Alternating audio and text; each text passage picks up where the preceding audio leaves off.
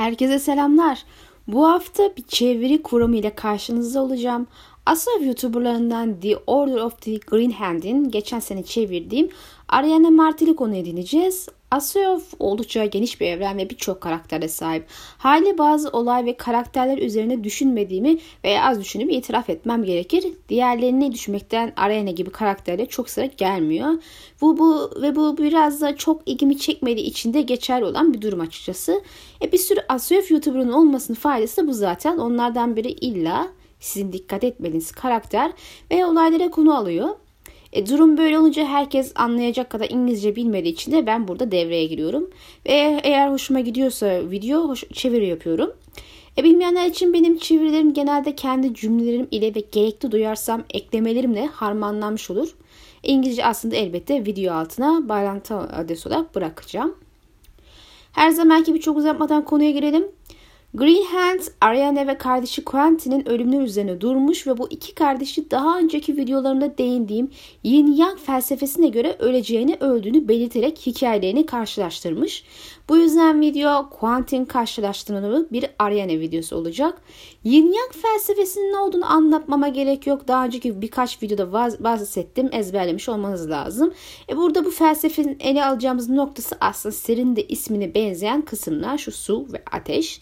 Yani biliyorsunuz ki yin su iken yang ateş idi.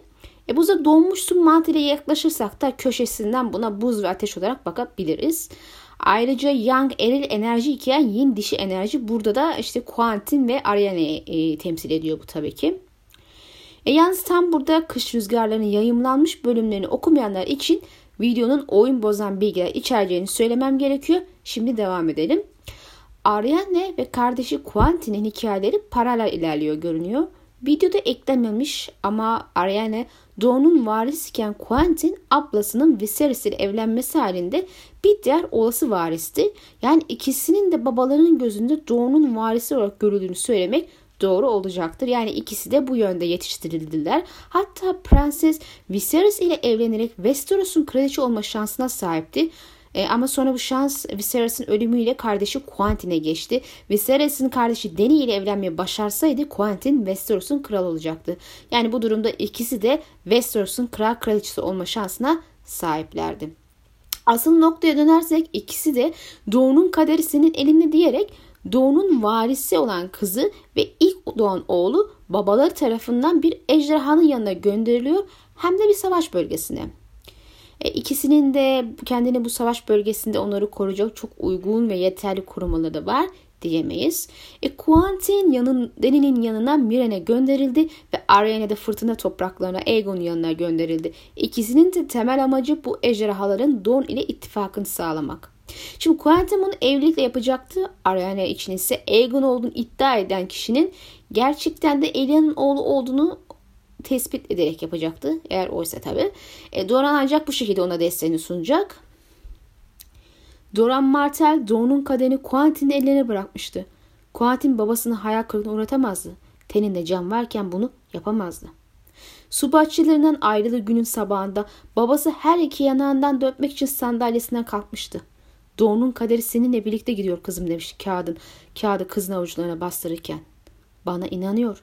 Onu yüzüstü bırakmayacağım. Şimdi bu paralel vazifeyle beraber ikisi de babaları tarafından verilen bu vazifeler için oldukça uygunsuz kişiler aslında. Şimdi Quentin genel anlamda zeki sayılabilecek, kitaplarla arası iyi olan bir oğlan ama kendi deyimiyle güzel kızlar karşısında gerilen, onlarla iletişim kurmakta zorlanan bir kişiliğin olmasının yanı sıra pek de yakışıklı bir oğlan değil. Bunu ablasının gözünden bir inceleyelim. 100 yıl önce Daenerys Targaryen doğuna barış yapmak için gelmişti. Şimdi bir başkası savaş başlatmak için geliyor ve kardeşim onun kralı ve eşi olacak. Kral Quentin. Neden kulağa bu kadar aptalca geliyordu? Neredeyse Quentin'in bir ejderhaya binmesi kadar aptalca. Kardeşi ağırbaşlı, iyi huylu, sorumluluk sahibi çocuktu ama sıkıcı biriydi ve cazibesiz, aşırı cazibesizdi. Tanrılar Arena'yı olmak için dua etti, güzelliği vermişlerdi. Ancak Quentin başka bir şey için dua etmiş olmalıydı. Kafası fazla büyüktü ve bir nevi kare sayılırdı. Saçları kuru çamur rengiydi. Ayrıca domuz, omuzları da düşüktü ve bel kısmı çok kalındı. Kral Quentin kulağa hala aptalca geliyordu. Bu yeni Daenerys Targaryen Arya'neden onlarca yaş küçüktü. Onun gibi bir genç kadın sıkıcı, kitap kurdu kardeşinden ne isteyebilirdi? Genç kızlar şeytani gülümsemeler olan cesur şövalyeleri hayal ederdi. Görevlerini her zaman yerine getiren ağırbaşlı çocukları değil. Yine de doğru isteyecektir. Eğer demir tahta oturmayı umuyorsa güneş mızrağını alması gerekiyordu. Eğer bunun bedeli Quentin olacaksa ejderha kraliçesi bunu ödeyecekti. Şimdi gelin görün ki Daenerys Targaryen oldukça güzel bir kadın. E bu da Don Prensesi'nin güzel kadınlar çevresinde Don, Prensi'nin güzel kadınlar çevresinde gergin olmasından dolayı onunla iletişim kurmasında sıkıntı var demek. Yani sıkıntı duyması demek. Ama o kadar da önemli bir şey değil aslında. Asıl önemli olan Deni'nin yakışıklı ve cazibeli erkeklere ilgi duyması. Ama prens yakışıklı olmaktan çok uzak biri ve abbasının değişiyle sıfır cazibesi var. Deni'nin karşısına çıktığında kurbağa lakabıyla çıkmıştı ki Deni eğer öperse yakışıklı bir prense dönüşüp dönüşmeyeceğini merak etmiş ve yanındaki sarışın Garrus'ın prens olmasını temenni etmişti. Yani Doran böyle bir kraliçenin karşısında oğlunu göndererek hata yapmış her haliyle aşikar. Elbette ki bu bir politik evlilik olacağı için ve Deni'nin müttefiki ihtiyacı olacağı için e, Quentin'in ne kadar yakışıklı olup olmadığı çok büyük bir önem arz etmiş olsa gerek Doran Martell için. E nitekim Ariane de aynı şeyi söylüyor. Demir tahtı istiyorsa Quentin ile evlenmek zorunda ama evlenmedi. Şimdi şunu da sormadan tabii edemiyorum. Eğer Quentin aslında Garrus olsaydı ve evlilik teklifini sunsaydı Dany yine de Hizadar ile evlenir miydi? Şimdi Miren meselesi Dany için her ne kadar önemli olsa da 50 bin don kılıcını elinin tersiyle gizli bir yabancıya evlenmek için itmesine hiç ama hiç mana veremiyorum. Çünkü Hizadar Mire'nin geleceği için kısa vadeli bir emel hizmet ederken Quentin Westeros için uzun vadeli bir emel hizmet ediyordu. Sonuçta Deniz sonsuza kadar Miren'de kalmayacaktı ve Westeros'a da gizli bir kralı koluna takıp gitmesi ahmaklık olurdu. Şimdi Quentin'in reddetmesi Don ittifakını reddetmesiyle aynı şey ve hiç mantıklı değil. E Deni Quentin çirkin olduğu için mi bunu yaptı ve Hizadar ile düğün arefesinde olmasını ve Mire'nin geleceğini bahane etti? Haliyle teklifi yapan Gareth olsaydı, o oldukça yakışıklı ve cazibeli bir erkek, belki de Quentin'in yapamadığını yapar ve Deni'yi ikna edebilirdi. Deni ikna olmaya daha bir hevesli olabilirdi. Elbette bunu bilemeyeceğiz aslında artık. Netice olarak Quentin böyle bir kadın ikna etme vazifesi için kötü bir seçim. Gerçi elinde çok da bir seçenek yoktu ama biz paralelliklere, paralelliklere odaklanıyoruz. E bu arada ablasının ejderhaya bilmesi kadar aptalca sözü de dikkatinizden kaçmamıştır eminim. E Martin burada güzel bir gönderme yapar. Bu denemeni de ne kadar almakçı olduğunu bize söylemiş aslında. E bildiğiniz gibi Quentin'in salaklık edip bir ejderhaya bilmeye çalışması e, çalışmıştı. E neden? Çünkü Dora'nın istediği şey denenin kendisi değil ejderhalarıydı. E Quentin de bunu bildiği için ejderhayı çalabileceğini düşündü ama sonucu herkesin malumudur. Özetle babası oğlunu imkansız yakın bir vazifeyle görevlendirmiş görünüyor. Şimdi Arene'ye geçiyoruz. O neden bu vazife için uygunsuz peki? Şimdi Arene oldukça güzel ve cazibeli genç bir kadın. Cersei gibi o da cazibesini bir silah dönüştürmüş halde. Hatta tek silah bu gibi görünüyor. Bana göre babası gibi olmak için daha 40 fırın ekmek yemesi gerekiyor kızın. Doran Martell kızını John Connington ve Aegon bilmecesini çözmek için gönderiyor.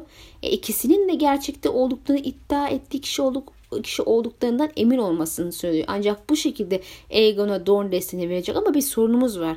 Şimdi Ariana her ikisiyle de daha önce hiç tanışmadı. En azından Aegon'u bebekken görmüşse bile onu hiç hatırlamıyor. Onun ablasını bile hatırlamıyor ki kucağına aldığı falan söylenmiş ona. E, gel görün ki e, yanına koyduğu adamlardan hiçbir de onu tanımıyor. Yani yemini kalkanı olan ve Arya'nın vazifesini, içe, vazifesini içerini bilen Damon Sand. Haydi biri söylesin bu kız nasıl bu ikisini kimin onaylayacak? Varys ve yabancı Illyrion'un sözleriyle mi? O zaman zaten gitmesine gerek yok. Öyle söylüyorlar. Yahut altın mürettebatın, mürettebatın onaylamasıyla mı? Kim ki onlar inansın onların sözüne.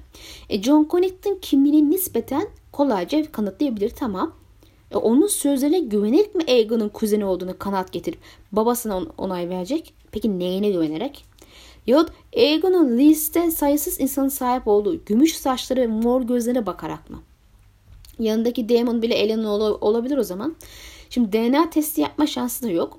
Kısaca göründü Ariana'nın bu konuda pek başarı şansı yok. Hatta bence kardeşinden daha imkansız bir görev.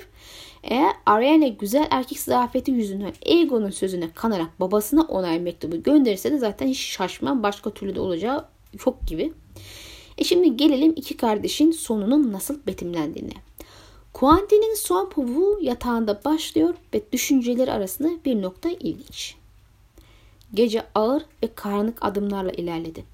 Yarasa vaktini yılan balığı vakti takip etti. Yılan balığı vakti hayalet vakti. Prens tavanı seyrederek, uyuyamadan rüya görerek, hatırlayarak, hayal kurarak, keten örtülerin altına dönüp durarak, ateş ve kan düşleriyle heyecanlanarak yatağında uzandı. Şimdi Quentin ateş ve kan düşünceleriniz kapılmış durumda. Poe bununla açılıyor. Ateş ve kan bildiğiniz gibi Targaryen hanesinin ünlü sözleri. E daha sonra bir mum yakıyor ve elini ateşe koyarak dayanıklılığını ölçüyor. Şimdi uzun bir pasaj paylaşacağım sonra üzerinde duracağız. Uzunca bir zaman muma baktı. Sonra kadehini masaya bırakıp avucunu alevin üzerine koydu. Elini aleve değecek kadar aşağı indirmek için bütün cesaretini kullandı. Alev avucuna dokunduğunda prens bir acı çığlığı atarak elini geri çekti. Quentin delirdin mi? Hayır. Sadece korktum. Yanmak istemedim. Quentin ölmek istemiyordu. Demir ormanına geri dönmek, senin kız kardeşlerin ikisini birden öpmek, Gwent Yornwold'la evlenmek, onu çiçek ağaçını görmek, onunla çocuk yapmak istiyorum. Turnuvalarda at sürmek, ava çıkmak, Norvas'a gidip annemi ziyaret etmek, babamın gönderdiği kitapları okumak istiyorum. Klatos'un, Will'in ve Üstad Kedri'nin hayata dönmesini istiyorum. Alınan her risk insanı felakete sürüklemez diye üstledi Quentin. Bu benim vazifem, benim kaderim. Benim dostum olmam gerekiyor. Benim dostum olman gerekiyor Geris. Neden hayallerimle alay etmek zorundasın? Sen korkularımın üstüne yağ dökmeden de yeterince kuşkum var. Bu benim büyük maceram olacak. İnsanlar büyük maceralarda ölür. Geris haksız değildi. Bu hikayelerde de vardı. Kahraman dostlarıyla birlikte yola düşer, tehlikelerle yüzleşir, zafer kazanıp evine dönerdi. Dostlarından bazıları hiç geri dönmez ama kahraman asla ölmez. Ben kahraman olmalıyım. Şimdi bu alıntılar bize çok şey söylüyor. Aslında bu ateş ve kan düşüncesiyle ve prensin kendini yakıp çığlık atmasıyla başlıyor ve biliyoruz ki aynen o şekilde de bitiyor. Yazar bu son povda Quentin'in öleceğini ve nasıl öleceğini burada anlatmış. Onun ölümüne dikkat çekmiş. Elbette okuyucunun beklentileri biraz oynadığını görebiliriz ve dahası bir eleştiri de yapmış gibi görünüyor. Çünkü Quentin'in bir macera atılan bir prens bir kahraman olduğunu düşündüğünü ve kahramanların hikayelerde asla ölmediğini sadece yoldaşların öldüğü bir şablon hatırlatılmış. E, nitekim dikkat ederseniz bu zorlu yolculukta prensin e, arkadaşları gerçekten öldü ve kendisi hala hayattaydı ve kendisi bir prens ve bir kahraman. O az o zaman asla ama asla ölmeyecek ve asla başarısız olmayacak. En azından inanmak istediği şey bu. Bu yüzden bu ejderhayı çalıp yardıma muhtaç karısını kurtarıp gözüne girmeye çalışıyor. E Dawn onu böyle hatırlayacak. Ejderha bilecisi, kraliçesinin kurtarıcısı, kahraman kral Quentin falan filan. Onun hakkında şarkılar söyleneceğini düşleyen macera perest bir prens desek de onun hamurunda bu da yok aslında bence. O daha çok babası tarafından buna zorlanmış. Bu yüzden bu vazifeye hiç uygun değil ya. E, kahramanların asla ölmemesi, gele, ölmemesi geleneksel bir klişe hikaye ama bu kitaplarda bu hikayede kahramanlar da ölüyor Quentin. Martin bize bunu ilk kitapta Ned Stark'ın kafasının kesildiğini açıkça göstermişti. E bundan sonra Gareth sürekli olarak bu vazife sonuçları konusunda Quentin'i uyarmaya ve vazgeçirmeye çalışır. Gareth genelde gamsız ve laylaylon bir karakter olarak tanıtılmıştı ilk seferlerinde ama şimdi durumun ciddiyetin farkına varıp Doğum Prensi'nin aklını başına getirmeye çalışan kişi olarak öne çıkıyor ama Quentin bu yalvarmaları dinlemiyor ve sonuç olarak yanarak ölüyor. Prens Quentin ateş ile öldü. Bunu sakın unutmayalım. Şimdi ablası Prenses Arena'ya geçiyoruz. Şimdi daha önce de söylediğim gibi Ariane'nin vazifesini başarma şansı kardeşinden daha düşük. Çünkü Deni'nin her şeye rağmen Quentin'in teklifini kabul etme şansı her zaman mevcuttu. Ama prensesin Aegon'un kimliğini tespit etme şansı yok. Pek yok. Zira ne onun ne de Connington'ın ne onu ne de Connington'ı tanımadığı gibi yanında getirdiği adamlar da bu ikisini hiç tanımıyorlar. Yani hiçbir yerde de şu ana kadar Dora'nın Aegon'un kimliğini değiştir etmesine yardımcı olacak bir bilgi verdiğini okumadık. 6. kitapta görecek miyiz bilmiyorum ama şu ana kadar görmediğimizi farz ederek bu işin en başta yaş olduğunu söyleyebiliriz. Prens sadece kızını gönderir ve dikkat et tehlike olacak diyor. E Conan'da benzer şöyle şeyler söylemedim bu adam ya. Green Hands burada Doran, Doran haklı bir eleştiri yapıyor. Şimdi adam iki varisini e, savaş bölgesine uygun bir koruma olmadan gönderiyor ve vazifeleri ta en başta imkansız görünüyor. E, Connington ve Aegon'un diyara geldiğini duyduğunda ise verdiği tepki ejderhaların ve denenin nerede olduğunu sordu. Ama oğlunu sormadı. Oğlunu içinden sorduğunu farz eden Aryen'in kendisiydi. Ejderhalar nerede diye sordu. Daenerys nerede? Ve Aryen'e biliyordu ki babası aslında oğlum nerede diyordu. Aslında gördüğünüz gibi Doran'ın sorduğu oğlu değil, oğlunu alması için gönderdiği şeyler. Ejderhalar ve Daenerys. Onlar nerede? Onlar yok.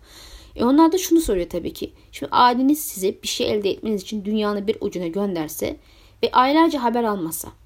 Sonunda vazifeniz alakalı, alakalı birileri gelse ailenizin soracağı ilk soru bunlar mı olurdu? Yoksa sizin nerede olduğunuzu ve iyi olup olmadığınızı merak ederdi. Şimdi başka aileleri bilmem ama benim halim elbette ki ilk benim nerede ve iyi olup olmadığı konusunda meraklanır, beni sorardı. E daha sonra vazifemin gidişatını merak ederdi. Doran ise oğlu yerine ne oldu onu almam için gönderdiğim şeylere diyor soruyor. E bu durumda Greenhand için bu durumda çok Greenhand için oldukça garip bir tepkiymiş. E haklı biraz garip bir tepki. E, haliyle büyük oğlunu neredeyse kesin bir ölüme gönderen adam istenmeyen varisini neden ölüme göndermesin diye sormuşlar. Yani biliyorsunuz Ariane onu istemediğini falan düşmüştü. E onlara göre Dora'nın asıl niyeti bir yandan da memnun olmadığı varislerinden kurtulmak ve en küçük oğlu Tristan'ın geleceğin Dorn hükümdarı yapmak. Ona kişisel bir koruma ver, verilmesi gibi bir şeyleri dikkat çekmişler ama diğerlerine daimi bir koruma verilmemiş mesela. E, örneğin Don varisi olan kızına kılıç ve benzeri şeyler kullanmanı bilmediği, aşikar olan birine niye kişisel bir koruma verilmemiş diye soruyorlar. Şimdi Rhaegar'ın bile iki tane kral muhafızı vardı ki bu da herif de yani veliahtı. Ariel'in neden yok böyle korumaları? Bunlar tabii ki ciddi düşündürücü sorular. Yani bir çeşit Tarly vakası mı oluyor diye düşünmüşler. E bu kısmı geçersek doğrudan Ariane'nin ölümüne işaret eden kısımlara bakalım. Ariane'nin kış rüzgarlarındaki ilk pavuğunda deniz ve denizin durumuna dikkat çekilmiş. Korsanlar ve maceracılar diye duyduk en başta dedi Valena. Sonra gelenler altın mürettebat olmuş. Şimdi John Connington deli kralın eli. Doğuştan gene hakkını talep etmek için mezardan geri döndü diyorlar.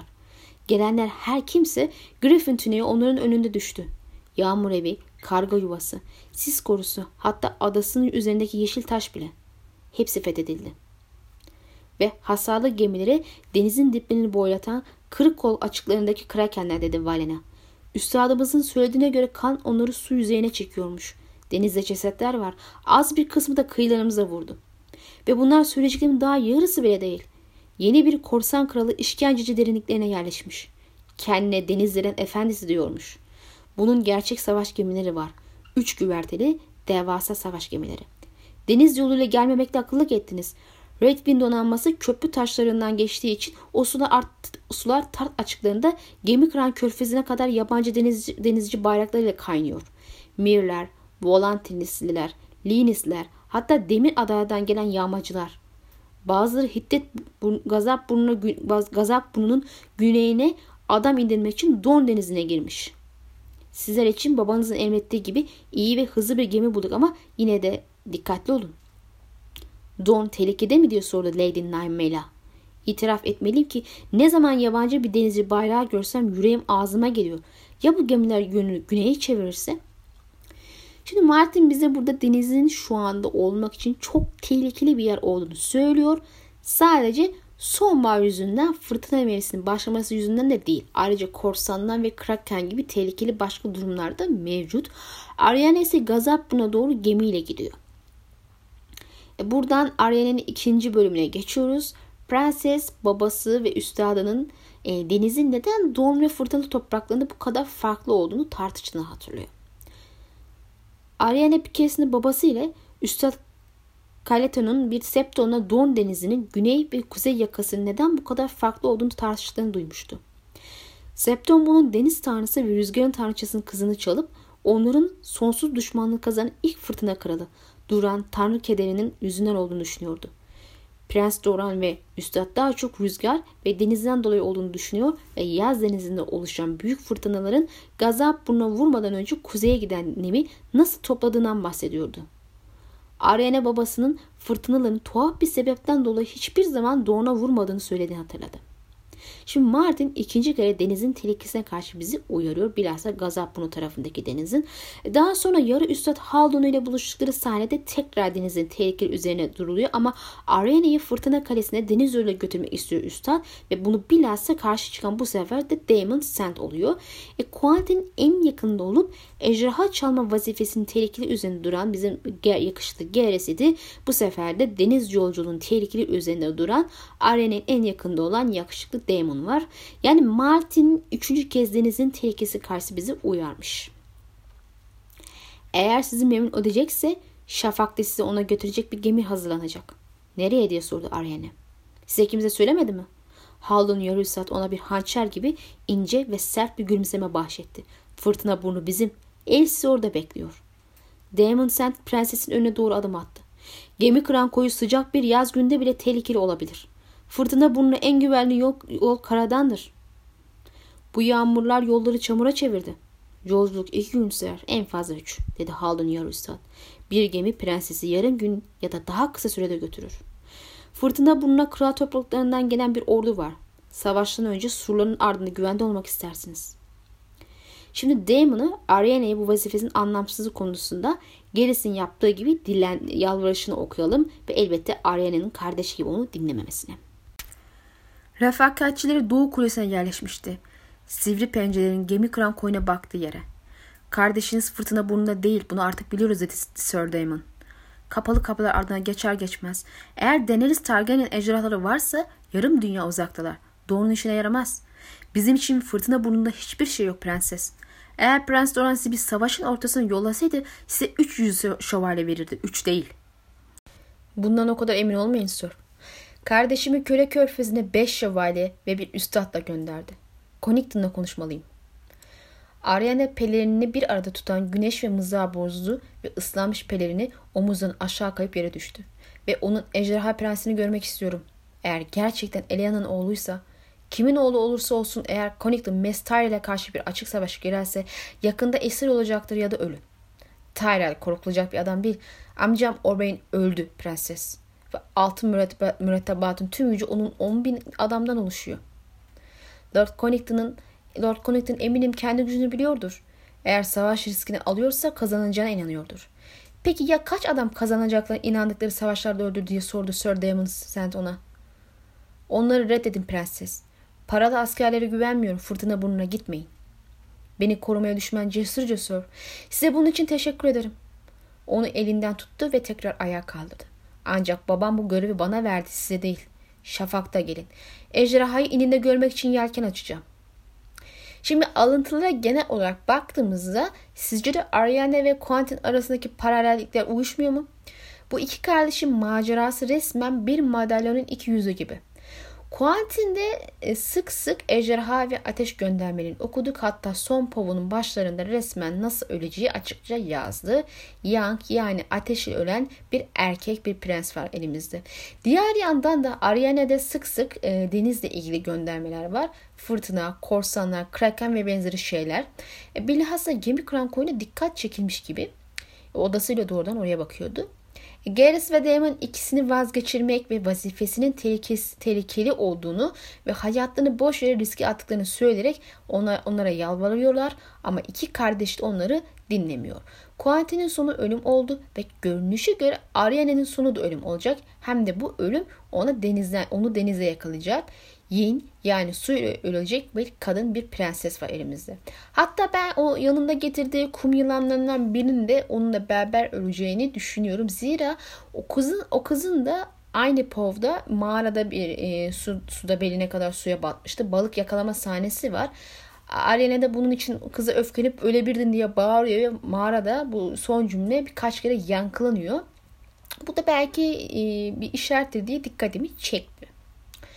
Şimdi Green Hand son bir noktaya dikkat çekmiş. Ariane genelde mecaz kullanan biri değil demişler. Ve bu yüzden ikinci bölümün ejderhayı ininde ziyaret etmek istiyorum sözüyle bitmesi de garip bulmuşlar. Şu her şeyden evvel Fırtına Kalesi Aegon'un ini değil. Ejderha Kalesi onun ini. Ee, diğer yandan nasıl ki kardeşi Quentin ejderhaların inine girdi ve aslında bir ejderha sevdası yüzünden öldü. Ariane de ejderhayı göreceğim, görmek zorundayım sevdasına Fırtına Kalesi'ne gidiyor. Ve onun ininde ziyaret etmeye gidiyor. E daha önce paralı askerlerle konuşurken kaç ejderhanız var diyor sormuş ve bir karşı, karşılığını alarak Aegon'u kastetmişlerdi. Yani ejderha sevdası yüzünden ölmek iki kardeşin de kaderi gibi biri ateş ile diğeri su ile yani denizde. E, fırtınası ile ünlü fırtına topraklarına gelmesi belki de bir diğer işarettir. E, kuramın sahipleri Ariane'nin bir sonraki bölümünde bölümde hayatta kalmasının güç olduğunu düşünüyor. Sanırsam zamanlamayı 3. bölüme taşımaların nedeni e, Quentin'in zamanlamasına bakarak karar, karar vermiş olmaları. Yani onda da güçlü ve açık işaretler verildikten sonra hemen sonra ölüyordu. E, Ariana içinde güçlü ve açık işaretler verilmiş iki bölüm boyunca e, Fırtına Kalesi'ne giderken muhtemelen e, gemi kıran koyu taraflarında öleceğini tahmin ediyorlar anladığım kadarıyla. E ben de bu kadar erken öleceğini düşünmüyorum. Çünkü şu aşamada bu kadar erken bir ölüm şimdi neye hizmet edebilir ki diye düşünüyorum, soruyorum, düşünüyorum. Ha tabii eğer yazar Dora'nın ne Dany ne de Aegon ile ittifak kurmasını istemiyorsa oğlunun ölmesi gibi kızı da ta en başta ölürse bu mümkün olur. Zira Quentin tam da bu işe yaramıştı. E, Dany onu reddetti ve oğlan saçma bir şekilde ölüme gitti ve Dorn ile ittifakı küle dönüştü. E, Ariana ile birlikte Aegon ile olası bir ittifak suyu düşebilir. Ama gene bunun için önce buluşması gerekir yani bence. Bilmiyorum neyse. E başka bir olasılık karakter vazifesini tamam, tamamladıktan sonra illaki Martin hışmına uğrayacaktır. Ama bu ne zaman olacak tabi bilmiyoruz. E zaten çok fazla POV karakteri olduğunu ve bunların sayısını e, 9'a indireceğini bir iki kere söylemişti Martin. Yani ciddi bir katliam olacak yani bir sonraki kitapta ve bir ihtimal belki kesin değil bazıları ölmeden sahneden çıkabilirmiş. Dediğim gibi e, kesin değil artık Martin ruh haline bağlı. Yani sonuç olarak Irene de ölecekler listesinde adını yazdırdı. Bu yüzden ben e, işte yapması gereken yapıp vazifesini tamamladıktan sonra ölebileceğini düşünüyorum. Yani Dora'nın Aegon ile olası ittifakını suda boğmaya çalışmıyor yazar kanımca. Elbette bakarsınız fikrim ileride değişebilir. E, yani en kötü ihtimalle Ariane e, geri dönerken ölecek gibi görünüyor. E, zamanı ne olursa olsun Arya'nın son kitabı göremeyecek. E, videomuz burada sona eriyor. İnşallah beğenmişsinizdir. Bir sonraki videoda görüşmek üzere. Allah'a emanet olun.